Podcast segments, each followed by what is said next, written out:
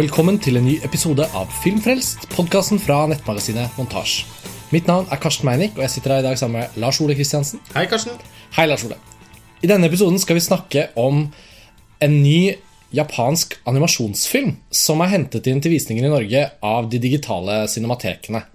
Og vi har begge akkurat sett filmen. Den heter The Silent Voice. og Dette var en av de filmene vi har visst veldig veldig lite om uh, før vi ser dem. Nesten som å være på festival og bare gå inn og Ja, se noe sånn. uh, uten å helt være forberedt på det. Um, og man skulle tro når det handler om japansk animasjonsfilm, at da er det kanskje Ghibli, da er det kanskje noen av disse kjente japanske animasjonsautørene som vi kjenner til fra før av. Men jeg tror vi begge var enige om at dette var også litt sånn blankt lerret for oss i forhold til regissøren. Og det er jo ikke en Ghibli-film. Det er en film produsert av et annet stort selskap som heter Kyoto Animation. Og filmens japanske originaltittel er eh, Koe no Katachi. Der prøvde jeg meg på den. Eh, og regissøren hun heter Naoko Yamada. Ok, så det er veldig sånn her, I hvert fall for meg. Du har jo et litt forhold til Japan og japansk kultur, men for meg er det ganske mye som er blankt ved inngangen til denne filmen. Eh, Den varer i litt over to timer, og den er veldig spekket med både tematikk og rollefigurer.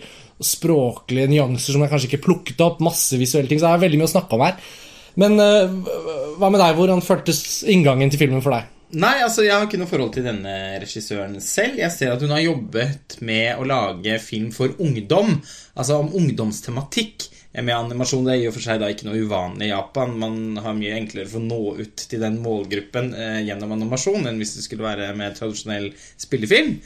Men eh, det er vel Altså kvinnelige regissører som jobber eh, som, er, som er da laget en relativt profilert japansk animasjonsfilm. De vokser ikke på trær. Og jeg syns det er interessant at eh, de digitale cinematekene, når de først velger å vise animasjon Det har ikke eh, Med mindre min hukommelse er rusten nå, så har ikke det skjedd altfor ofte. Jeg husker veldig godt at de viste en av mine favorittfilmer. Eh, I hvert fall favorittanimasjonsfilmer i fjor eh, høst.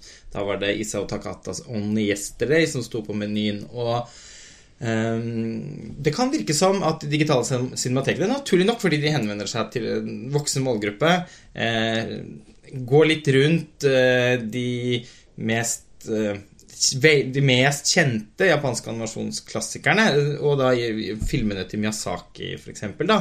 Kanskje fordi at det er jo ingen tvil om at de også i like stor grad appellerer til voksne som til barn. Noen av de mer, som f.eks. 'Prinsesse Mononoke' eller 'Vinden stiger', som jeg Ja. har veldig vanskelig for å tenke på som filmer som på noen som helst måte er tiltenkt barn som målgruppe. Men det er for tydelig her at man med 'Only Yesterday' og 'A Silent Voice', filmen vi har sett i dag, at man styrer på en måte unna den animasjonsfilmen som eh, Som eh, på en måte for hele familien. Eh, dette Ja, Det er jo litt mer sånn konvensjonelle bruken av uttrykket, kan man si, i Norge. Når det kommer, Særlig i Norge, da. Når de japanske animasjonsfilmene kommer, så er det jo som regel nettopp som du sier. Og, og, og det er jo kinodistributøren Arthouse som i stor grad har tatt ansvaret for en form for sånn reformidling, da. eh, Med relanseringer av altså Det var jo senest i fjor. Både 'Katteprinsen' og 'Prinsesse Mononoke' ble jo satt opp på norske kinoer igjen. Uh, Ghibli-klassikere.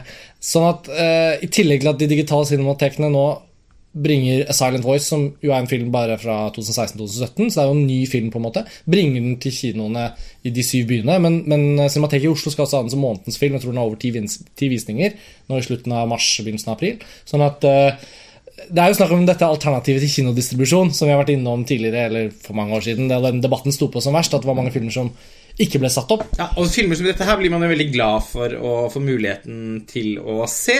Da skal det jo nevnes at Arthouse jo faktisk distribuerte også en eh, japansk animasjonsfilm med ungdom som målgruppe i fjor sommer. Your Name, som jo er den største animasjonssuksessen i, Japan i Japan En siden ekte blockbuster som blir som en kunstfilm her i Norge. Ja, eh, siden Chiro og heksene.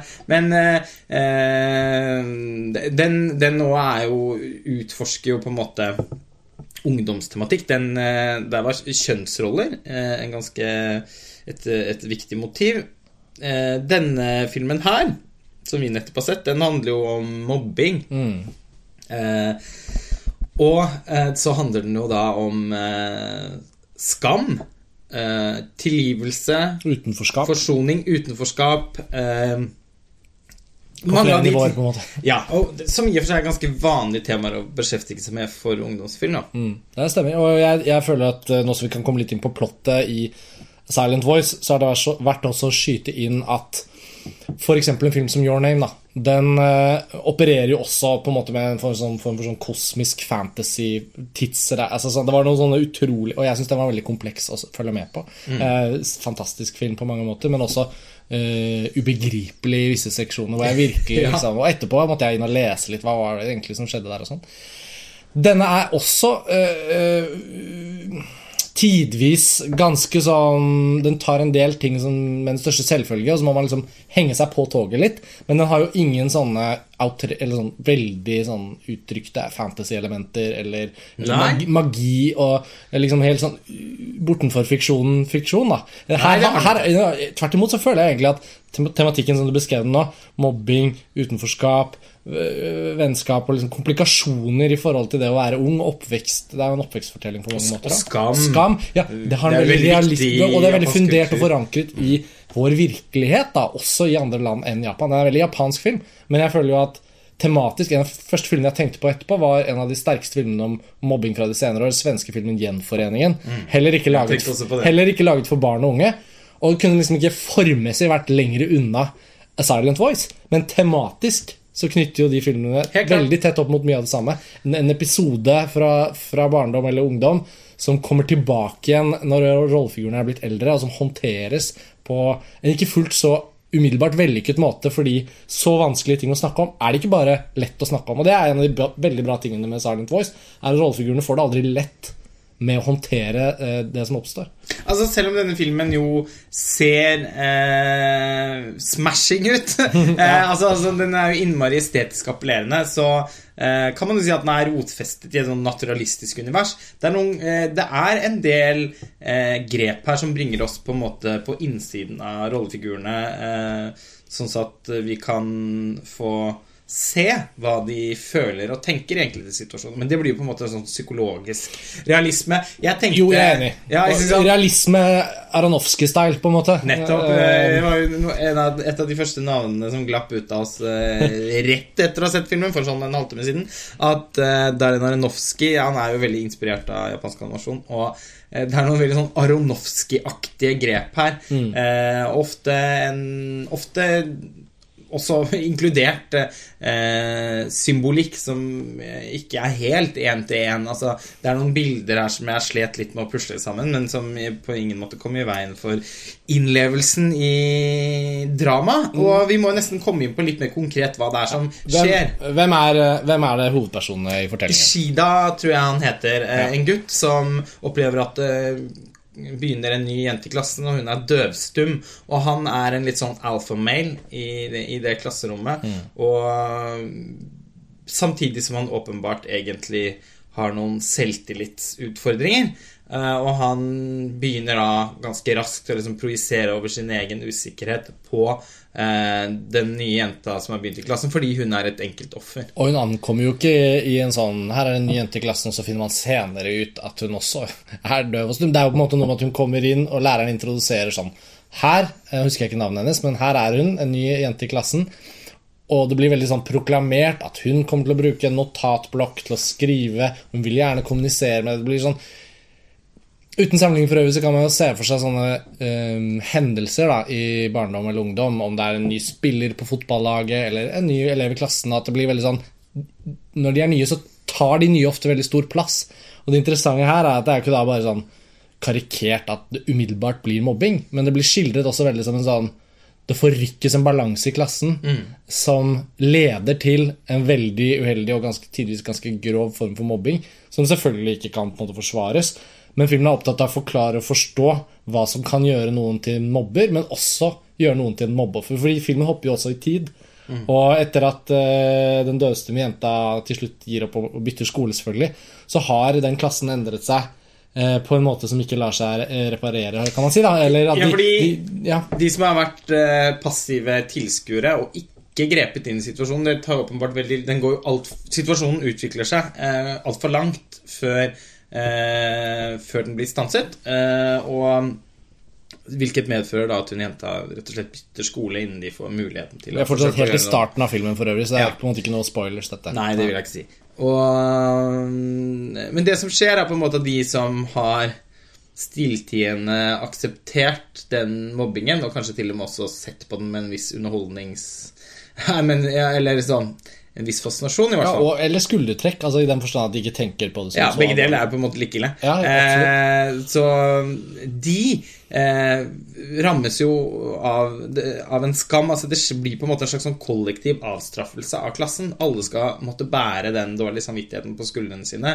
Og de andre elevene eh, på, ender da opp med å på en måte projisere sin skam over på Ishida, eh, fordi han Ja, de tenker vel at han på en eller annen måte har fortjent å måtte bære, bære det. Eh, og det klarer, takler han veldig dårlig. Og så møter vi han noen år etterpå. Eh, og han har fortsatt ikke Han har på en måte ikke klart å eh, begynne noe voksenliv. Eller, altså, det er akkurat som det har vært en sånn tapt ungdomstid der som gjør at han fortsatt ikke han, han har fått så lav selvfølelse at han ikke klarer å se folk i øynene. Eh, Det er eh, visuelt fremstilt i filmen som eh, litt på samme måte som, i, liksom, som om det skulle vært en Black Mirror-episode eller noe tilsvarende. Med at de menneskene han ser rundt seg, har store kryss over ansiktene sine. Og de kryssene blir forsvinner først hvis han oppnår en positiv form for kontakt med dem. Mm. Ja, Det er nesten som sånn retusjering når noen kriminelle snakker i intervjuer, eller folk som lever på krisesenter og sånn, hvor den Altså ikke en sånn ufokusert klatt, men Nei. dette krysset som følger de rollefigurene der. Veldig sånn et grep med stor G, men jeg syns det var et veldig vellykket grep fordi, fordi hun hun har åpenbart et, et, eh, noen, en idébank å ta av da, som filmskaper, som gjør at man ser at Og dette kan jo komme fra den mangaen det er inspirert av, selvfølgelig også, men hun anvender det da i denne filmen til både å statuere hans psykologiske tilstand, men også etter hvert, som du sier, altså når han frigjør seg fra noen av disse eh, plastrene, eller hva jeg skal kalle det, som, som dekker til ansiktene, så lekes det jo også med det visuelt, da, eh, på en veldig fin måte, syns jeg. Og en annen film det minte meg på, var jo Charlie Coffman og Duke Johnsons eh, Anomalisa. En Ja. helt, helt annen type animasjonsfilm og en helt annen tematikk. Men der er det jo også et spill med, med ansikter som på en måte forvrenges i den også sånn, Det var jo dukker som ble sånn selvbevisste på eh, selve ansiktet i animasjonsdukken.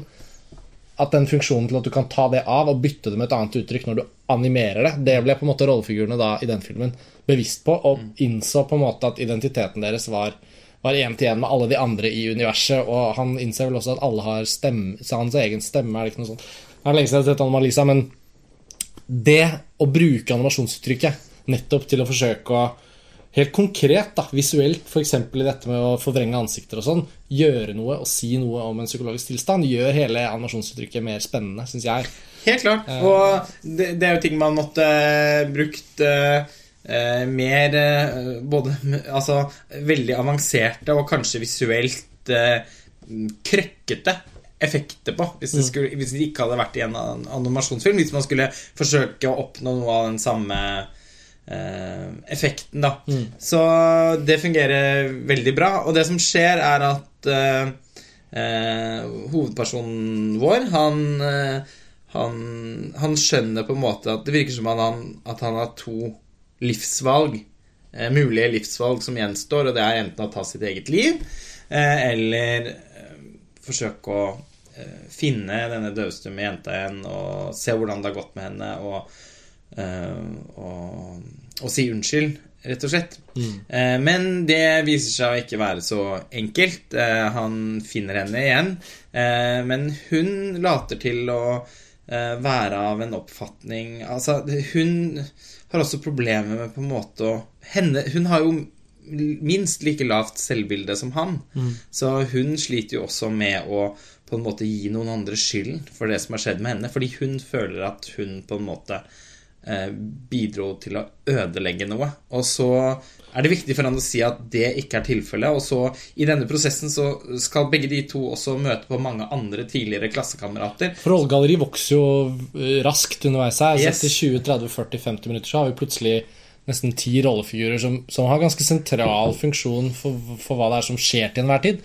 Og jeg tror ikke jeg hadde klart å oppsummere ren, en sånn ren plottlinje i denne filmen hvis noen hadde tvunget meg. Fordi det er egentlig en helt plott På en måte er det en plottløs film. Det har skjedd noe eh, i den klassen da de var unge, og vi ser det jo i form av den mobbingen. Men den er også på en måte også ganske fragmentarisk skildret. Vi har en rekke montasjer, og det er sånne små hendelser. Ja, det er mange som da ender opp med noen sånne sånn veldig symbolske objekter, sånn notatblokken hennes, som, Ja. som de liksom skjeller henne ut i og blir kastet ut i vannet og forsvinner. Altså sånn, Det er mange sånne ting. Men egentlig så har den, som du nå oppsummerte, altså hans linje, da, hans to valg, hans eh, nærmest eksistensielle oppvekstkrise, som allerede er fylt av skyld og skam. For et ungt menneske så er det nesten sånn deprimerende å se på at han bærer på så mye allerede. Han er ikke en gang med voksenlivet engang. Um, Og det gjør hun nå. og det gjør hun òg, nettopp. Og hennes funksjonshemming òg. Altså det, det, Ja. det elementet av døvstumhet blir også brukt på en interessant måte. Og, og det antyder også uh, at, at det kan bli en slags sånn kjærlighetshistorie her, fordi at de eh, som i utgangspunktet da eh, virket så forskjellige, viser seg å være langt mer like. Ja, for han har jo gått over i en rolle som et i hvert fall en utstøtt, da, om ikke direkte mobbeoffer. Så har jo han i løpet av de fire-fem årene som går siden første sekvensen, så har jo han blitt så utstøtt at han så, men så møter jo han på da disse tidligere klassekompisene sine, både, både jenter og gutter, som, som jo da enten fortsatt fordømmer ham, eller eh, er av den oppfatning at uff, ja, nei, jeg har så dårlig samvittighet overfor deg. Det var jævlig kjipt gjort, for vi var jo med på det alle sammen. Og det var jo hun som var problemet. Herregud. Det, var, det var jo så Det var jo kjempekjipt når hun begynte i klassen. altså, eh, Hvorpå han da skal stå opp for henne. Eh, men, altså, det var en Her klarer man jo å fange noe av det utrolig kompliserte ved eh, ved sånne mikrosamfunn som et klasserom er. Og eh, når man snakker om så mye på, på nyhetene og i debattprogrammet på TV og sånn, og den viktigheten av å skape gode eh, klassemiljøer, gode læringsmiljøer eh, Fordi at man vet jo at eh, et eh, dårlig miljø kan få ganske store konsekvenser for alle som er der eh, i mange, mange, mange, mange år, kanskje resten av livet. Så her er det jo også at parallellen til Anna Odells Gjenforeningen kicker inn for alvor. da For de som har sett begge disse filmene etter hvert. Altså Hvis noen går og ser Silent Voice og husker vår referanse til Gjenforeningen, så er det jo påfallende hvordan begge filmene klarer å skildre den veldig komplekse sannheten om den typen historier, som er at folk husker ting på forskjellige måter. Folk mener de har opplevd noe på den eller den måten. Der er det vel noen som Nå parafraserer jeg, men som sånn Ja, men blir du vel, verkligen mobbad? Ja, ja, du var elak du også. Altså, sånn, Ja, så er det sånn, og så, blir man snudd, så får man det snudd på hodet, og så er det sånn De mange perspektivene som forskjellige Da man var barn? Hvem var vi da vi var barn? Hun oppsøker jo da sine tidligere klassekamerater når de er voksne, fordi hun ikke har blitt invitert til gjenforeningsfesten. Og så setter jo det ting i gang. eh, Og så har hun også filmatiske grep, selvfølgelig, og det er jo hun som har laget filmen selv, spiller seg selv. Der er det mange metanivåer, da. Men det føles som en veldig spenningsskapende motor i A Silent Voice. Når filmen passerer timen, på en måte, så innser man jo litt at det skal ikke bli sånn at denne fortellingen videreutvikles i særlig grad. Det er egentlig litt sånn at filmen på ganske omstendelig vis fortsetter på en måte å male på dette med at øh, hvem var vi da? Hvem er vi nå? Øh, Ja, men var ikke hun også et problem? Øh, Ja, men jeg har så dårlig samvittighet. Jeg har mobbet henne, og hun er, hun er døvstum, og hun bærer på ting. Altså sånn, Det gnages og det kvernes. Sånn. Og, og, og, og så kan man si at ja, filmen blir ganske lang pga. det, da, denne omstendeligheten, men samtidig så, så innså jeg etter hvert at det var noe av det var en litt sånn egenartet følelse jeg satt igjen med. Eh, fordi den heller ikke er noe sånn episk. Det er ikke noen stor reise. Eh, Det er jo veldig sånne Mange av de samme rommene det returneres til. Det mates noen sånne fisk fra en bro. Går og kjøper brød tilbake. matefiske. Var det 20-25 ganger hvor de kom tilbake dit med disse brødblingsene? Jeg vet ikke, det, det var en veldig fascinerende film, og jeg merker jo også at jeg vet at Vi ble enige om at vi skulle lage denne podkasten rett etter å ha sett filmen. Det føles eh, spennende å på en måte snakke om den litt sånn for første gang nå. Jeg kjenner jo også at filmen var så sammensatt på mange av de tingene den var mest opptatt av. At jeg er usikker på om jeg fikk med meg alt filmen nødvendigvis hadde. Altså, den var jo, som du sier, den er ganske sånn omstendelig fortalt. Eh, japanerne er jo ofte også ganske Både på noen områder uhyre effektive, og på andre områder veldig omstendelige. Og eh, bare ah, liksom eh, Hele Altså Dette er jo også på en måte en film om hvor eh, vanskelig det er eh, for, eh, for mennesker å, å si unnskyld, og, og så tilgi hverandre. Det vil alltid finnes et eller annet fnugg av, av som gjør det sammensatt, og som gjør at man aldri helt kan glemme. I dag skal jeg si det. Man møter en person, man står på broen med brød og mater fiskene, og så er det en liten ting som gjør at Jeg klarer ikke helt å si det akkurat nå.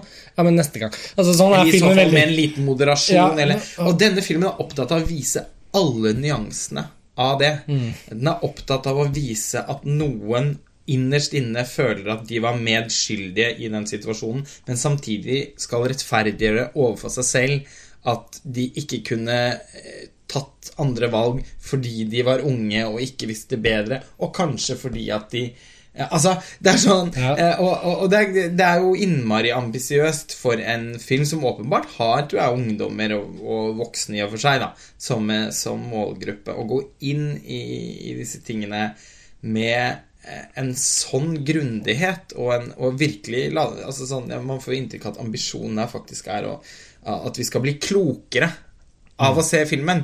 Eh, og det må man jo virkelig bare beundre. Men den er ganske omstendelig. Eh, Som underholdningsopplevelse så, så er den jo kanskje ikke helt perfekt utformet fordi at vi bremses opp, på en måte. det er ganske mange digresjoner Ja. og, og også sånne eh, så sykliske Mm. elementer, da, som du nevnte med matingen av fiskene, kjøpe brød. Ja, og alle uttrykksvalgene bidrar jo egentlig til det samme. Så, så den, er, den er på en måte enhetlig i å ikke ville forløse det bit for bit, men heller å tas med tilbake en ny runde. Det er som sånn, Du føler filmen litt er utformet som en rundkjøring, eh, og grunnen til at man opprettholder sitt fortsatt er på rundkjøringen, er fordi rollefigurene har ikke bestemt seg hvilken vei de skal kjøre. Så det blir jo sånn har at man bare går i sirkel. Og det gjør jo også at man selv opplever den Altså når, disse eh, Denne litt sånn Ja, jo eldre de, de blir, jo merkeligere blir jo også på en måte sammensetningen av folk. Det er Mm, jo åpenbart at mange av de ikke har så mye til felles og ikke burde gjøre noe sammen i voksenlivene sine. Men så holdes de også på en måte s- Umake vennegjeng. ja, ikke sant? Så holdes de tilbake på grunn av det som en gang skjedde, men som Ja. Den er kompleks på det, men så er det interessant også hvordan eh, regissøren er Og ikke minst i samarbeid med særlig han kompon eller hun eller han komponisten. Jeg vet ikke hva navnet er, men musikken i filmen er jo ikke da heller strømlinjeformet for på en måte å uttrykke en følelse eller hjelpe oss på vei. Den er hele tiden nesten ute i det eksperimentelle, tidvis en sånn helt sånn malende sånn støylandskaper. Og så sånn bloppeti-blipp. Jo, men ikke sant den, var særlig en sekvens der hvor jeg satt og tenkte Og litt sånn Ja. spraket så Først tenkte jeg Er det noe feil med hjemmekinoen lenger? Ja, Nei, det var det ikke. Og ikke sånn, ikke sånn moderat Sakamoto i The Revenant. Litte bitte grann Nei, nei. støy ute i skogholtet. Det var veldig sånn in your face støymusikk i sekvenser som på en måte ikke ba om det. Nei, det var, det var, det var noen veldig underlige Det var ikke dårlig, det var bare det at jeg merket meg at, oi. Til dels uttrykksfulle valg eh, på, på lydsiden. Også noen valg som jeg syns var på en måte Som jeg mm, strevde med å finne en mening i. Eh, og det gjaldt jo også noen av disse visualiseringene. Da. Så noen ting på en måte var eh, helt briljante til å fange en, en, en bestemt type følelse. Mens andre eh, ting bidro på en måte snarere til å gjøre eh, det vanskeligere for meg å, å, å Ja, kanskje i hvert fall få en slags oversikt over eh, hovedpersonenes indre liv. Men samtidig så er jo det Det var jo eh, også en helt ve altså, Det var også helt vesentlig for å gi filmen eh, det temperamentet som den har. Fordi den er liksom både veldig tålmodig og omstendelig, eh, samtidig som den er innmari liksom innfallsbasert og eh, litt sånn ustoppelig idérik på en eller annen måte. Men innenfor de eh, som vi kjører, vi, kjører, eh, vi kjører rundt i den samme liksom sirkelen hele veien, men man fyller den eh, veien da med, med masse, masse, masse, masse inntrykk som vi skal ofte fordøye i innmari høy hastighet. Så det er en, egentlig en, en innmari komplisert film, og, eh, og det å ta den inn over seg og, og snakke om den rett etter visningen er faktisk eh, Ja, jeg, kjenner på at det er vanskelig. At, den, at den krever et gjensyn. Ja, det, det, og jeg tror ikke det ville være noe fattig gjensyn, for den filmen er sammensatt på den måten som jeg også For eksempel så har den eh, For eksempel så har den eh, en del eh, Hva skal vi kalle det Jeg tenker sånn, Den har en del sånne elliptiske innganger til flashbacks, for eksempel. Vet du, vi har, det Ikke bare én gang, liksom, men ganske mange ganger så kommer vi inn i noe som viser seg å være et flashback, mer enn at vi Det, det enkleste er sånn du ser nærbildet til rollefiguren, og så kommer det et flashback, og så er vi tilbake til nærbildet. Det er standarden. Men her føler jeg ofte at vi er i en helt annen scene. Ja, det sant Og det første bildet fra den neste scenen er et flashback som vi først litt senere skjønner, Skjønner at det er et flashback. Ja, og, og det, det insisterer den på ganske jevnt og trutt, og det er forvirrende litt for forvirringens skyld, føler jeg, fordi eller hvis man skal være med filmen, da, Mm. så man skal liksom gi den the benefit of the doubt, så tenker jeg at det grepet sørger for at vi hele tiden er liksom på skakke, også vi, med rollefigurens Mm. sånn psykologiske forhold til både minner og egentlig hvilke valg de skal ta, da, Mm. som er kanskje den sentrale problemstillingen. Grepet gjør jo likevel at filmen blir vanskeligere å se.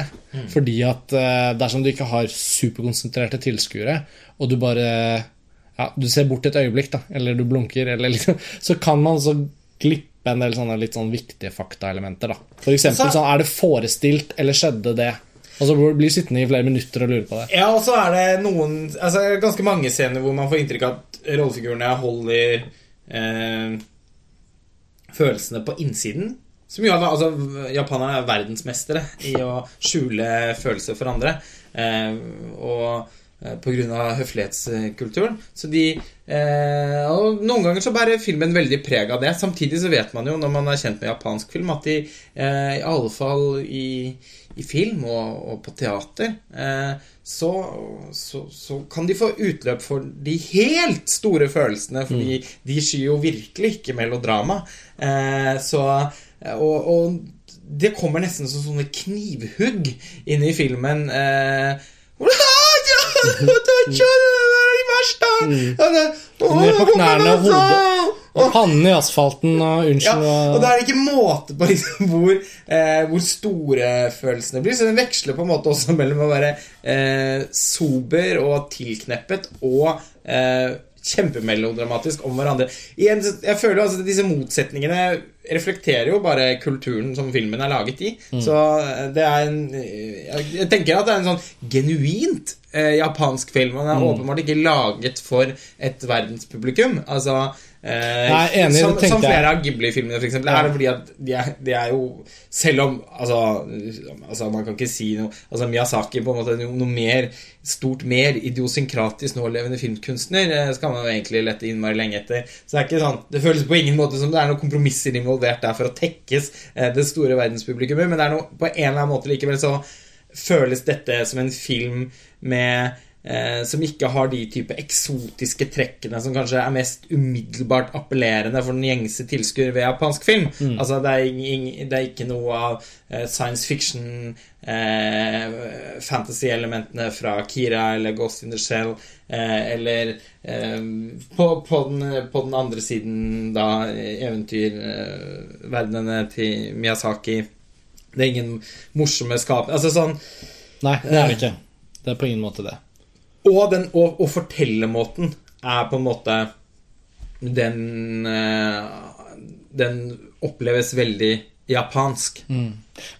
Apropos fortellermåte, så tenker jeg hvis du har tatt premisset for denne filmen, hvor vanskelig det er å si unnskyld og be om tilgivelse, så kunne du også, hvis du hadde gitt den til Roy Andersson, da, Ja. så kunne han kokt det ned i ett av de long take-bildene sine. Ja, ett tablå, det. Et tablå, og kanskje med, med en gruppe ungdommer på den ene siden og sånn en, en ensom jente på den andre siden. si jeg får lov! Og så, og så men, men gjerne inkludert stillheten mens den krysser rommet. Kommer bort. Jeg vil gjerne si jeg får lov. Det er greit. Og så Ja. gå tilbake. Ferdig.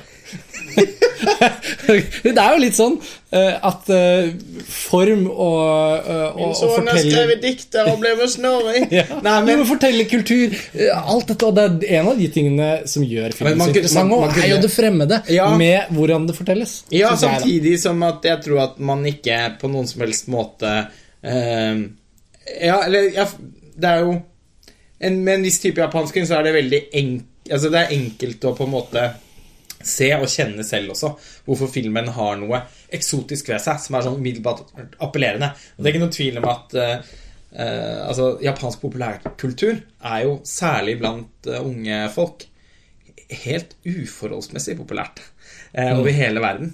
Så det, det er klart Og, og for de som virkelig er inni og som, inni det, og som leser japanske tegneserier utover de med, og, og ser eh, serier, animasjonsserier som eh, går liksom utover de fem første anbefalingene du kan få eh, av eh, så, så så kommer man jo ganske raskt hit, hvor vi var i den filmen nå. Men jeg syns det er interessant at Eller desto finere syns jeg det er at uh, de digitale cinematekene som da viser film over hele landet, velger en film som dette. Fordi at dette er jo også, føler jeg, en sånn japansk animasjonsfilm som til vanlig ikke ville hatt muligheten til å nå et publikum på kino i Norge. Fordi den nettopp kanskje ikke har de Den, den har vel, eh, selv om den er vel så idiosynkratisk eh, japansk, kanskje nettopp av altså, fortellerstilen i filmen, for eksempel, som Eh, som virkelig er, er sånn at jeg har vanskelig for å forestille meg historien blir fortalt på samme måte i et annet land. Men samtidig så er ikke det nødvendigvis en sånn appell, et appellerende særtrekk for alle. Fordi som, som jeg har nevnt, så gjør det også at filmen har noe litt sånn omstendelig og gnagende ved seg. Man kan si at dette er typisk sånn film Hvis den japanske ambassaden hadde hatt et like aktivt formidlingstilbud som den franske har gjennom det franske kultursenteret, så ville dette vært en sånn typisk rendezvous med japansk film. film som kanskje ville kommet på en eller to visninger i Klingenbergkjelleren sånn med den japanske ambassaden der noe vin utenfor og så. Ja, dette var den ene sjansen til å se den. Så jeg føler jo liksom at dette er jo nesten en bred lansering eh, Mm. men det til er en sånn det. film som dette å være. Ikke minst fordi også Cinemateket i Oslo, som har et veldig stort publikum i hovedstaden, har satt den opp på Ja, det ser ut til å være med ti eller flere visninger. Jeg telte ikke over alle, men den har mange visninger fremover. Så til lytterne våre sånn avslutningsvis så må man jo også egentlig bare oppfordre for alle de nysgjerrige filmelskere da, som er villige til å ta det lille steget ekstra, så, så kjenner jeg at liksom uavhengig av kvalitet som var det bra eller var det dårlig film. Den er så åpenbart full av spennende ting, og jeg syns den var veldig bra. Ja, Men det, føler jo- er veldig lett å anbefale. ja, men jeg synes del av anbefalingen er også å foreslå til flere at de tar og liksom går inn den døren, da. For, For, jeg for, å, for å ta en kikk, Ja, så liksom. håper jeg jo at eh, Men det regner jeg egentlig med, da, men er at cinematekene er, er bevisst eh, at det også eksisterer en veldig sånn spesifikk målgruppe der ute som vil ha veldig veldig stor glede av å se film. Faren er selvfølgelig at de kan finne på å ha sett filmen allerede. Ja, som Se på Your Name, da. Som, hadde, som var jo en blockbuster eh, ekstraordinær i Japan. Ja. Og så var den jo på kino i veldig mange land, tror jeg, i tillegg. Mm. Og jeg mener å huske at jeg tror det var en, en viss usikkerhet. Litt sånn fingeren i været og kjenne på vinden. Men en følelse at kanskje vil denne nå den subkulturen i Norge, og virkelig liksom transcendere til og med den målgruppen, da.